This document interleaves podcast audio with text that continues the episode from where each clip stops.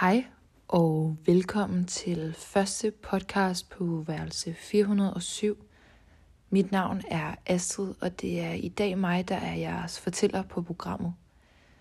Jeg vil nu fortælle om en oplevelse, som jeg havde øh, tilbage i november sidste år.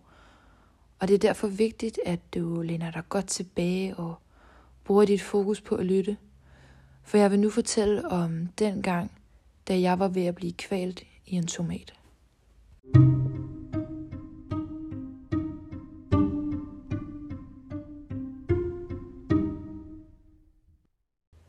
Det var en helt almindelig efterårsaften. Jeg gik på daværende tidspunkt på farmaci, og jeg var i gang med at sidde og læse op til en eksamen, som jeg skulle op til i januar.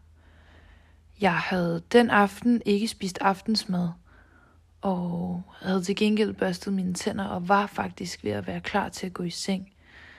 Men jeg kunne hurtigt mærke, hvordan sulten begyndte at trænge sig ind på mig, og min mave knurrede og rumlede. Men så stedig som jeg nu var, så nægtede jeg at spise, fordi jeg havde jo allerede børstet tænder.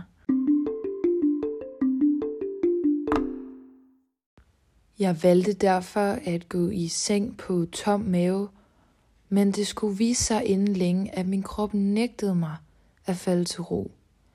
Jeg måtte derfor ty til køkkenet i håb om at finde noget at spise, hvor jeg undgik at få beskidte tænder. Efter en kort søgning faldt mine øjne på nogle cherrytomater, og der gik ikke lang tid fra tanke til handling, før jeg tog mig selv i at stå og sluge et par cherrytomater.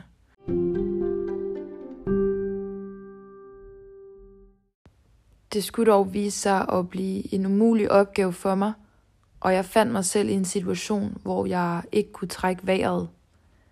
Alt imens jeg blev mere og mere desperat, lukkede min hals sig endnu mere op. Jeg gik hasarderet rundt i min stue under hele opsejlingen, der har varet lige knap et minut – og i et forsøg på at redde mig selv, greb jeg ud efter min vandflaske. Jeg forsøgte at drikke vandet, men uden held, og det hele stod lige ude i en stråle.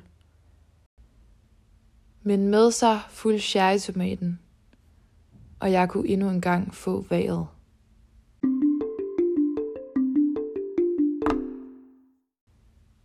Tak fordi, at du lyttede med til dagens episode fra værelse 407 jeg håber, at du har nydt det, og jeg vil glæde mig til, at vi ses igen næste gang.